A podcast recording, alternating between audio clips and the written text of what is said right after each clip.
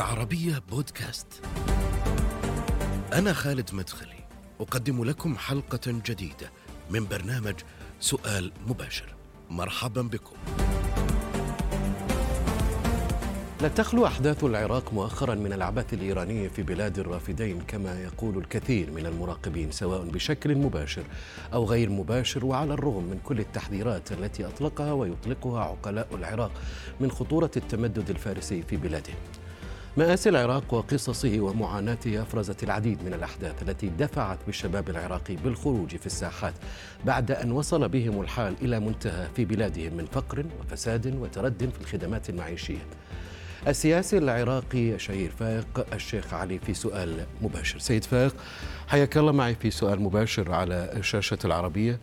وشاكر ومقدر لك تجاوبك معنا واستجابتك أيضا للظهور بالرغم من أنك أعلنت قبل شهرين توقفك عن الظهور آه، الإعلامي وربطت ذلك بعام 2024 وجملة من الأحداث والمتغيرات اللي يمكن أن نتطرق إليها في ثنايا هذا الحوار أهلا وسهلا بك أستاذ خالد وبالعربية.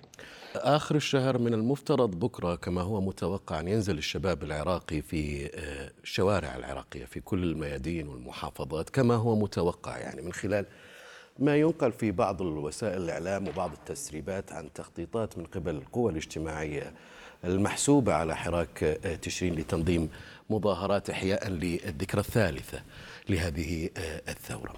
لكنك في تغريدة أخيرة قلت يا شباب لا تسمحوا للبعض ينظر بروسكم وياخذكم الحماس للخروج إلى التظاهر بحجة أن الإيرانيين نزلوا إلى شوارع المدن الإيرانية. أنت ما زلت عند موقفك ترى بأن على الشباب ألا يخرجوا لإحياء هذه الذكرى في العراق. ليس فقط ما زلت على موقفي لا وإنما قد يكون هذا السبب الأساس والمباشر الذي جعلني أن أقبل أظهر أخاطب الشعب العراقي والشباب العراقي. وإلا يعني لا أجد ضرورة ابدا في الأحداث العادية بأنه أظهر المفترض أنتظر إلى أن تصير متغيرات دولية قادمة آه راح تأثر على الوضع العراقي في الداخل. السبب أستاذ خالد إذا سمحت لي إنه هذا الشباب اللي راح ينزل بكرة وطبعا أنا عندي معلومات إنه العدد قليل جدا مقارنة بالملايين التي نزلت وهدرت في شوارع العراق قاطبة من بغداد إلى البصرة آه، في عام 19 هؤلاء قدموا تضحيات قدمنا 800 شهيد. 25 ألف جريح من ال 25 ألف 5000 معوق حتى الآن لا أحد يسأل عنهم ولا أحد يعالجهم. طيب ما الفائدة؟ لا يمتلكون قيادة لا يمتلكون ميليشيا مسلحة تحميهم في ظهورهم ليس لديهم اتصال بالدولة لا يستطيعون حماية أنفسهم.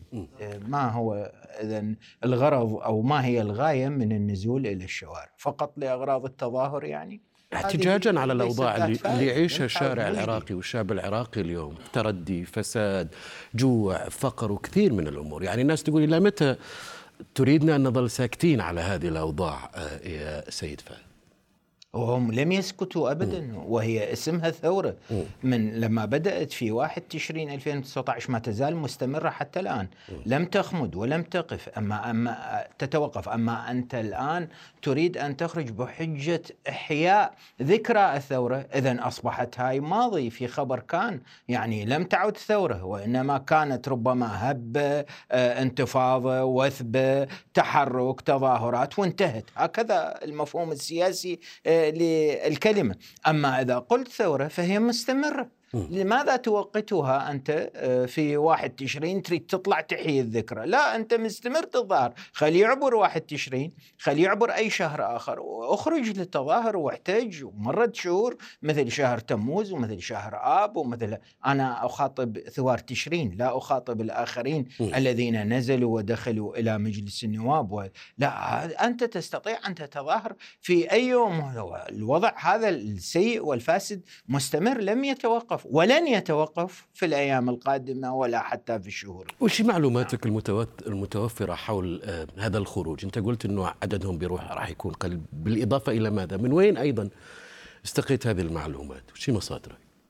أنا في نصف تشرين حلو. نص تشرين. والشباب كلهم قادة تشرين والذين يتواجدون في الميدان. أنا على تواصل معهم بشكل مستمر وأدعوهم وأقول لهم أنه لا تخرجوا ليس هناك فائدة لا تورطوا الشباب لا. وبعدين هناك ظاهرة أخرى أستاذ إذا سمحت وهي أنه آه هناك تيار قوي يقوده آه رجل دين السيد مقتدى الصدر. م. هذا في انتفاضة آه، أو في آه، ثورة وفي تظاهرات آه، تشرين واحد 19 يعني رأينا منه الويل من جماعته أقصد وليس منه شخصيا. ارتكبوا جرائم بحق الثوار ثم ركبوا الموجة. وصادر ثورة تشرين وصار يتحدث باسمها وحصل على الكثير من المكاسب. أول مكسب جاء بحكومة الكاظمي. هذا المكسب الأول. قانون الانتخابات غيره مفوضية الانتخابات غيرها. أجرى انتخابات مبكرة. حصل 73 74 مقعد بالبرلمان بغض النظر عن النتيجة التي آلت إليها.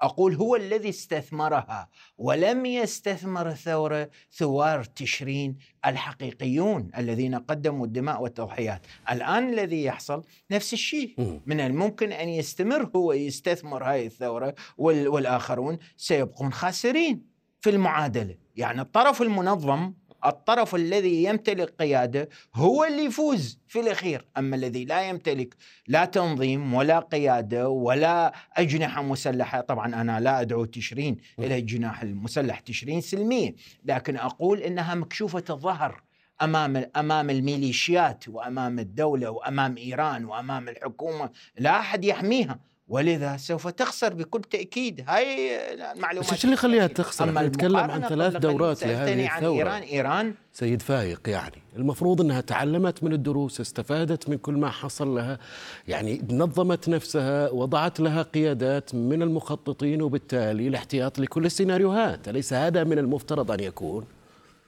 نعم وهذا هي اللي فعلا كان يفترض أن يكون والأصول السياسية والعمل السياسي لكن ماذا أفعل أنا؟ إذا كانوا هم بالملايين شباب شباب عاطل عن أعمارهم من 15 سنة فصاعدا. طيب عاطلين عن العمل. ما عندهم كل مستقبل مستقبلهم معدوم. البلد منتهك مدمر فساد سرقة أموال. ماذا يفعل هذا؟ ما لا أستطيع أن, أمس أن أمسكه أنا أو أن أمنعه. حاولت من خلال عدد من الشباب الكبير الأكبر سنا أن يمنعوا هؤلاء المتظاهرين من مواجهة الميليشيات والقوات الأمنية لكن حتى هؤلاء الكبار اللي كانوا موجودين في الساحات فشلوا للأسف الشديد. ولذا قدمنا هذه الدماء والتضحيات. هؤلاء في ثورة دائمة. عارمه مستمره لا يتوقفون وهم بحاجة إلى مراجعة. لأن لماذا؟ لأن موضوع إيران تفضل هناك مجاهدي خلق هذولا عندهم تاريخ ذولا هم أهل الثورة الإيرانية أصلا في السبعينات. مقدمين دماء ومقدمين تضحيات ومنظمين والآن عندهم قيادة وتتحدث في الخارج وتقابل آه على مستوى كبير من المسؤولين في دول العالم. زين أنتم يا شباب تشرين من عندكم بالخارج؟ المن قابلوا بمن احتكوا؟ يا الدولة تواصلوا وياها. أقصد ضمن إطار منظم وليس ضمن جهود فردية مثل أنا أقوم بجهود فردية. صحيح الشعب العراقي الثوار انتخبوني في عشر محافظات استفتوا وانطوني 80 أكثر من 80% من الأصوات وصلت إلى 95% في بعض المحافظات. رشحوني رئيسا للوزراء هذا كله صحيح. لكنه بالأخير آه، لم ينتظم العمل كما هو مفروض. في تغريدة لك تقول يجب أن تفهم أنك نعم. إذا أحييت الذكرى الثالثة لانطلاق الثورة التشرين في الأول من الشهر يعني بكرة. فهذا يعني من ناحية سياسية أنك وأدت الثورة وأعلنت وفاتها. بينما نحن نعمل على أن الثورة لم تمت ولم تنتهي إنما هي مرحلة التهيؤ لمواصلة لمواصلتها حتى تحقق أهدافها. لهذه الدرجة آه، سيد فائق ممكن أن ينتهي كل شيء إذا ما أحيا الثوار آه، ذكرى ثورتهم المجيدة في العراق. نعم أستاذ راح يصير أمر معتاد عليه كل سنة بهاي المناسبة اللي هي واحد تشرين يحيون الثورة وغيرها طبعا يجوز أحداث أخرى أيضا يحيوها. خلاص انتهت الثورة. بعد ما عاد الثورة يعني صارت انتفاضة أو صارت أي شيء سميها ما شئت. لأنه ننتظر سنة حتى نحيي الثورة. بينما من ناحية سياسية ومن ناحية حتى أكاديمية وعلمية إذا أنت ما حييت ذكرى هذه الثورة وإنما مستمر بالثورة فقط تحتاج إلى تنظيم. حتى تهيئ وضعك للاستمرار بالنزول إلى الشوارع وإنهاء وتنظيم نفسك وإنهاء هذا الحكم. هاي هنا صار الثوره وطبعا بالدرجة متى راح ممكن يتنظموا يعني؟ رغم إنه 2024 لما تجي هذه القوة المدمرة اللي ممكن تدمر أو تنهي هذا النظام السياسي. لأنه الناس تقول تبينا نصبر على القهر وعلى الظلم وعلى الجوع وعلى الفقر وحنا في العراق وانت خارج العراق تتنعم بكل ما لذ وطاب. أنا أقول لك ما يقال يعني الردود اللي عليك يعني تقال. وتريدنا أن نستمر بهذه الحالة إلى متى؟ ديات نعم أنا رجال مريض. هسه ما أقول تعالوا بدالي إيه. صيروا مرضى وتعالجون من مرض خطير و... لا ما اقولها لأن ما اتمناه هذا لشعبي واللي يقولون هذا الكلام هم أولادي وبناتي يعني صغار. لا اتمناه فأي نعيم هذا الحمد لله ويشكر في جميع الأحوال. هاي واحد. اثنين أنا لم أطلب من العراقيين ومن الشباب بأنه يجلسون في بيوتهم وينتظرون القوة الخارقة. ثم أنني لم أقل ابدا بأنه هناك قوه خارقة ستأتي من الخارج لتحرركم. يعني مثل ما حصل في عام 2003 حينما جاءت الولايات المتحدة الأمريكية إلى العراق مع قوات التحالف الدولي. لم أقل هذا الكلام بالعكس وإنما أعول بالدرجة الأساس على الثورة العراقية على ثورة تشرين أنه تطيح بهذا النظام. كيف تطيح؟ ينظمون نفسهم شلون ينظمون نفسهم تصير قيادة تصير عندهم يأتمرون بأمر واحد يتخذون قرار واحد مو أنا القائد أخاف واحد يقول اليوم طلع بالعربية ويقول انتظموا قيادة وأنا قائدكم لا لا أنا ألف مرة كاتب ما دام أستاذ خالد أنت دائما تقرأ التغريدات أي. وتتابع أنا قايل جندي في ثورة تشرين صحيح. لم أقل إني قا... بس حتى أفهم لأنه أنت تقول صحيح. أما طيب. ترديد أما ترديد مقولة تشرين ما حد قادها فتنطوي على غبن حقيقي وإنكار فاضل واضح لأدوار مئات الشباب من قيادات تشرين كيف نزلت ملايين الناس إلى الشوارع وطالبت بحقوقها واسترداد وطنها؟ من كان وراءها؟ تلك هي جهود القادة الميدانيين والمخططين والمحرضين على التظاهرات. طيب القيادة موجودة. ما مضبوط إذا القيادة موجودة. هاي القيادة يجب أن يلتم شملها أن تجتمع فيما بينها لكي يعني تظهر أمام العالم وتعلن أمام العالم بأنها قيادة واحدة. أما أن نبقى مشتتين مدمرين كذا ما كل واحد واحد إحنا عندنا مثل بالعراق يقول واحد يجر طول والثاني يجر عرض. ما راح نوصل لنتيجه ثم التعويل على موضوع إنه العامل والمتغير الدولي. يعني ألا تلاحظون الآن المفروض السياسي المحامي المحنك المراقب الفاهم اللي مار بتجارب ينتبه إلى دور روسيا القادم في المنطقة لأنه صار استفزاز للرئيس بوتين وإلى روسيا. والآن لم نعد نحن يعني عالم القطب الواحد والولايات المتحدة الأمريكية. خلاص روسيا إنه خرجت من من من دائرتها ومن الممكن جدا أن تخوض حروب مو فقط في أوكرانيا والبعض يقول أنه انهزمت في أوكرانيا وانذلت وجيشها تجي تحكي عن دولة أعظم دولة بالعالم؟ تمتلك سلاح نووي أكثر من الولايات المتحدة الأمريكية وأكثر من دول الأعضاء الدائمة العضوية في مجلس الأمن الدولي، شنو انهزمت؟ شنو راحت؟ ما هذا الكلام واللي يقودها رجل استخبارات كي جي بي رجل عالمي معروف وصار له 20 سنة ساكت ما يتحدث هذا إنه من الممكن يجي للمنطقة ولا شو إيش يجي؟ العفو أستاذ خالد خلي اوضح هاي النقطة تفضل. لأنه اثارت جدلا كبيرا أي. والناس ما فهمته مو يجي للعراق هو موجود الآن بالعراق على الحدود العراقية بسوريا موجود ولا ما موجود؟ موجود ما يحتاج أي شيء بعدين هو ينظر هو وريث الاتحاد السوفيتي العظيم. هو ينظر بأنه العراق من 58 إلى 2003 روسي سوفيتي وإجت أمريكا أخذته من عنده فانت هذا ابدا لا تستبعد بأنه يجي يوم ويدخل للعراق يدخل مو إلا بقوات عسكرية وسلاح هو يمتلك نووي يمتلك آه، طائرات يمتلك صواريخ يمتلك دبابات. مو إلا يدخل جيش ومثل ما دخل أوكرانيا وغزو وكذا. فأنت هذا العامل الدولي لازم تنتبه له لازم تحسب له حسابات. إحنا الآن في زمن حكم الديمقراطيين للولايات المتحدة المتحدة الأمريكية. رجل مثل الرئيس بايدن رجل كبير السن سياسات الديمقراطيين أنهم ما يتدخلون في شؤون الدول ودائما يعني مو مثل الجمهوريين. فشنو اللي يضمن أنه غدا لما آه، يرحل بايدن أقصد ينتهي حكمه هو والديمقراطيين والجمهوريين جايين بكل تأكيد. وين السياسة راح تتغير بالمنطقة راح يصير صراع وبؤرة الصراع القادمة هو العراق، لماذا العراق؟ لأنه على رأس دول الخليج، أقصد الرأس في الموقع الجغرافي ومنه دول الخليج الأخرى، العراق إمكانيات هائلة وقدرات أما أنه تأتي أمريكا وتسقط نظام صدام وتشيل العراق تطي لإيران، يعني هذا من يرضاها؟ لا أمريكا الجمهوريين وليس الديمقراطيين يرتضون ولا روسيا العظيمة ترضى بهذا الشيء لأنه تنظر إلى إيران كأنها ذيل لها ذيل في المنطقة. تابع تنفذ السياسة العالمية وما يتفق عليه الأقطاب والكبار في العالم. شنو إيران بالنسبة لروسيا لو الأمريكا هذه هي الحقيقة. مش رأيك في في ثورة التيار الصدري الأخيرة موقف مقتدى الصدر؟ أنت لك تغريدات ما ودي أتناولها يعني أو أتطرق إليها في بعض التفاصيل ممكن ناقشها لكن بسمع كلام آه، آه، فايق الشيخ علي فيما حدث في العراق مؤخرا. مو آني مو كلامي هو كلام السيد مقتدى الصدر. قال بئست الثورة هذه القاتل والمقتول في النار. هو يقول زين طيب بعدين صدروا بيان هذا يسموه وزير الصدر. من هو؟ ما أدري يعني اسم وهمي وخيالي بأنه المقصود مو إنه المقتول من عندنا بالنار وإنما من عندهم. شو من عندهم شنو؟ أنت تقول القاتل والمقتول. القاتل والمقتول يعني طرفين يتعاركان يتخاصمان يتحاربان يتقاتلان ويسقط منهم من الطرفين آه، قاتل ومقتول. خلاص اثنيناتهم بالنار. انت حكمت عليهم يعني صرت قسيم الجنة والنار يوم القيامة وألقيتهم كلهم بالنار. هذول الشباب اللي هم فقره المساكين الك... هاي المشكلة. يعني أنت شوف شوف أستاذ خالد فد خلي أوضح هاي النقطة. تفضل. الفقراء والمعوزين والمتعبين بالعراق ها؟ إجوا ذول الميليشيات عملاء إيران يحكمون العراق.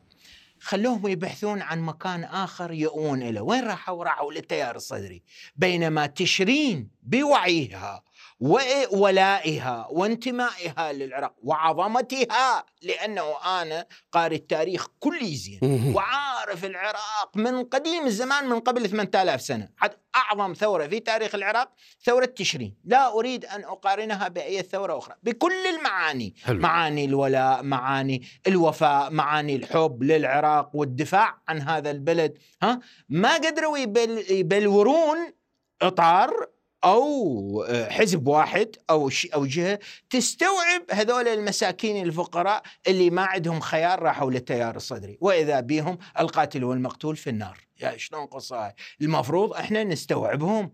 المفروض لأنه أكو وعي بهاي الثورة مو همج رعاع أو باش ينعقون خلف كل ناعق لا وإنما اللي قادوا واللي مشوا بمشروع تشرين ناس متنورين واعين فاهمين وليسوا أغبياء. طيب لماذا لا ننضج مشروعا كي يستقطب هذه الملايين من فئات الشعب العراقي المساكين؟ ليش الخيار صار فقط إطار يا تيار؟ إطار اللي هو ميليشيات لو تيار صدري. لماذا؟ يعني مثل إحنا أنا الآن تجربه ويقولون الشباب دائما انطينا من التجارب. مثل ما كنا قبل بأيام صدام حسين. لو نظام صدام حسين لو أمريكا. زين المشروع الوطني غائب.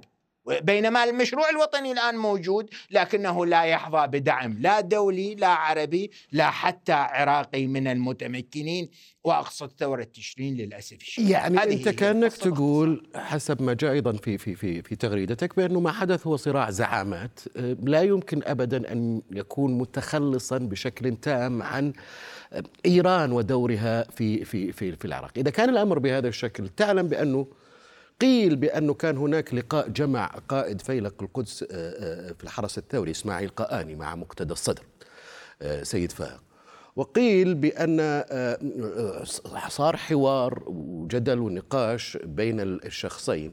وتهديدات إيرانية مباشرة بتعطيل الحياة السياسية في العراق لقطع الطريق على التحالف الإطار التنسيقي الموالي من السيطرة على مفاصل القرار السياسي في البلاد وأنه مقتدى الصدر كان له موقف وطني عراقي كما قيل وكما نشر برفض آه، آه، العبث الإيراني في العراق وطلبه بخروج إيران من العراق وبخروج أيضا هذا الشخص اسماعيل القآني من من من إيران من العراق عفوا صحيح ولا كلام؟ الآن أستاذ خالد الآن أريد أن أجيبك جوابا سياسيا وهو كالآتي. نعم. أفترض كل هذا اللي أنت تحدثت به إنه لا وجود له من الواقع آه، لا أساس له من الصحة لا ابدا. نفترض هالشكل. لكن هو اللي يجري بالبلد ما هو؟ الجواب هو الذي تفضلت به الآن بالتفصيل. صراع إيران باقطابها الميليشيات مع آه، تيار آخر يريد زعامة على كل الدولة العراقية، أقصد التيار الصدري يعني تحديدا، ليس زعامة على الشيعة فقط، لا وإنما على العراق لأنه الآن هو يسميه عراق الصدرين، يعني والمقصود بالصدرين محمد باقر الصدر ومحمد الصدر والده رحمهم الله تعالى، واثنينهم حقيقه يعني يستحقان كل المجد والخلود لأنهم آه، يعني قتل بريئين. على أي حال أقول؟ أقول إنه آه، هو هذا الصراع موجود. الصراع آه، آه، الإيراني العراقي آه، موجود في داخل العراق هذا هذا الأمر الأول الأمر الآخر الذي ذكرته أيضا أنت في المقدمة صراع قيادات طبعا أنا اقولها ليس فقط في تغريدة واحدة أو في عشر تغريدات أو هي مشكلة العراق صراع قيادات إحنا السبب ليش ما انبنى البلد؟ ما هو السبب؟ لم يبنى ولم تبنى لا مدرسة لا شارع لا جسر لا ك... ليش شنو شنو الجواب؟ لأنه صراع زعامات، يعني مو مثل مصر، مصر السيسي السيسي زعيم واحد ماكو عشرة فمن اجى اجى اجى بنى مصر ثانية. إحنا بالعراق لا كل واحد انفرد من راح صدام كان شخص وحيد بالعراق ماكو غيره لا يوجد ثاني على الإطلاق. من راح صدام ذولا كلهم الآخرين وجدوا أنفسهم واحدهم صدام حسين فكلهم صدادين اجتمعوا يريدون يصيرون زعماء. وأنا أقولها لهم عبر العربية وعبر هذا البرنامج تحديدا قسما بالله العلي العظيم لن يكون أحدكم أحدكم زعيما للعراق ابدا إلى أن يرث الله الأرض ومن عليها، انسوا هذا الموضوع لأن الزعامة العراقية تتطلب وطنية وعظمة، وين أنتم عملاء تشتغلون؟ عند إيران يعني ما, ما بكم واحد نزيه يعمل من أجل العراق ابدا. ما في أحد ابدا؟ أموركم؟ كان قبل سليماني والان قااني تنفذون الأوامر تنفيذ حرفي. يعني حتى لو ما يأمركم أنتم تشتغلون إلى إيران ضد الشعب العراقي وضد العراق. هي الحقيقة في آخر مقابلة تلفزيونية وخلالها أعلنت أنك متوقف حتى 2024 قلت بأن هذا العام 2024 هو أقصى موعد وأبعد موعد لإسقاط النظام الحالي وإنهائه والقضاء عليه إلى الأبد. عبر فريق دولي قلت بأنه فريق عظيم وعن طريق قوة مدمرة. كثير من الأسئلة. يعني أنت من وين جايب هالكلام؟ من هو هذا الفريق العظيم بهذه المواصفات اللي ممكن يسقط إيران وميليشياتها في آه، العراق خلال هذه الفترة؟ ما بقي لنا أو سنة ونص يعني تقريبا. آه، أستاذ خالد فقط. أكيد طبعا عندك غير هذا السؤال حتى مثلا نستمر بإنهاء البرنامج. أكيد قطعا. بس خليني فقط أقول إجابة على هذا السؤال. مجرد استعرض إجاباتي التي تقدمت وهي إجابة رجل سياسي مو رجل إنه ما عارف إيش يحكي. استحضرها الآن. شوف أنا شو تطرقت إيش حددت من دول إيش تحدثت عن زعامات أحزاب في دول عظمى. إيش قلت أنا؟ إيش قلت قبل شوية؟ خلص هو هذا اللي أنا أتحدث عنه الفريق الدولي. فريق دولي بس حتى نفهم كمان فريق دولي نتكلم عن يعني ناتو عربي آه، أمريكا فرنسا أوروبا من من بالضبط يعني هالفريق؟ إسرائيل. ما, ما جاوب. لأن لأنه أجبت عليه خلال المقابله أنا بسمع بسمع بسمع مرة ثانية هالإجابة يعني, يعني. اي أنا عقلي على قدي يعني. لأنه في تلك المقابله طيب في إيه؟ في تلك المقابلة أستاذ خالد طلبك عزيز آه، امتنعت بشكل كلي عن الإجابة يعني ما أوضحت ما تحدثت مثل ما الآن توسعت معاك إيه؟ أنا انطيت للسياسيين والحكام العالم وحكام المنطقة اعطيتهم الخيوط خلاص يعني بعد أكثر من هذا إيش اعطيك خيوط؟ طيب، إيه. شلون؟ اعطيتهم الخيوط شنو انهم ده يعني يعني أنا ما أقدر صعب علي أن أقول أكو مثلا رسائل بيني وبين الرئيس بوتين مثلا يعني أو عندي تواصل بيني وبين الأمريكان والبريطانيين وفاهم شنو السياسة الدولية اللي جاي يصير. ما أقدر أعيش بس عشيت خلاص انتهينا يعني ها؟ آه، آه. إي فهذا يعني هذا مو رأي أنت كله. تتكلم عن معلومات عن حقائق ستحدث على الأرض. إي بالضبط. راح تقول لي الآن أكو مثلا صراع آه، ما بين هذه الدول التي إيه. ذكرتها. واكو حرب مو بالصراع. اي طيب شلون راح يتفاهمون على العراق؟ لا لا العراق مركز نفوذ. متفاهمين عليه مثل ما متفاهمين عن دول أخرى. على, أوه. على دول أخرى ما حد اقترب يمها ولا أحد قدر متفاهمين على العراق. ماكو ماكو مشكلة بهالجانب هذا. آه، أما آه، إنه هاي الدول مجتمعات أنا ذكرت أنا شنو؟ بعد أكثر من هذا ما أقدر أعطيتك أعطيتك اليوم إجابة ما حد سامع بيها ولا يمكن واحد يتخيلها يعني أقوى من هذا شو نطيك بعد. شكرا لك على تواجدك معنا وعلى ما قدمته أيضا من إفادة في هذا الحوار وأنا أتمنى لك الصحة وطولة العمر وتنورنا دائما يا سيد فائق شكرا جزيلا لك. نهاية هذه الحلقة من سؤال مباشر كانت مع السياسي العراقي المعروف فائق الشيخ علي. دائما يمكنكم متابعتنا على مواقع التواصل الاجتماعي تويتر فيسبوك يوتيوب. ومشاهدة هذه الحلقة والاستماع إليها على شاهد وعلى العربية بودكاست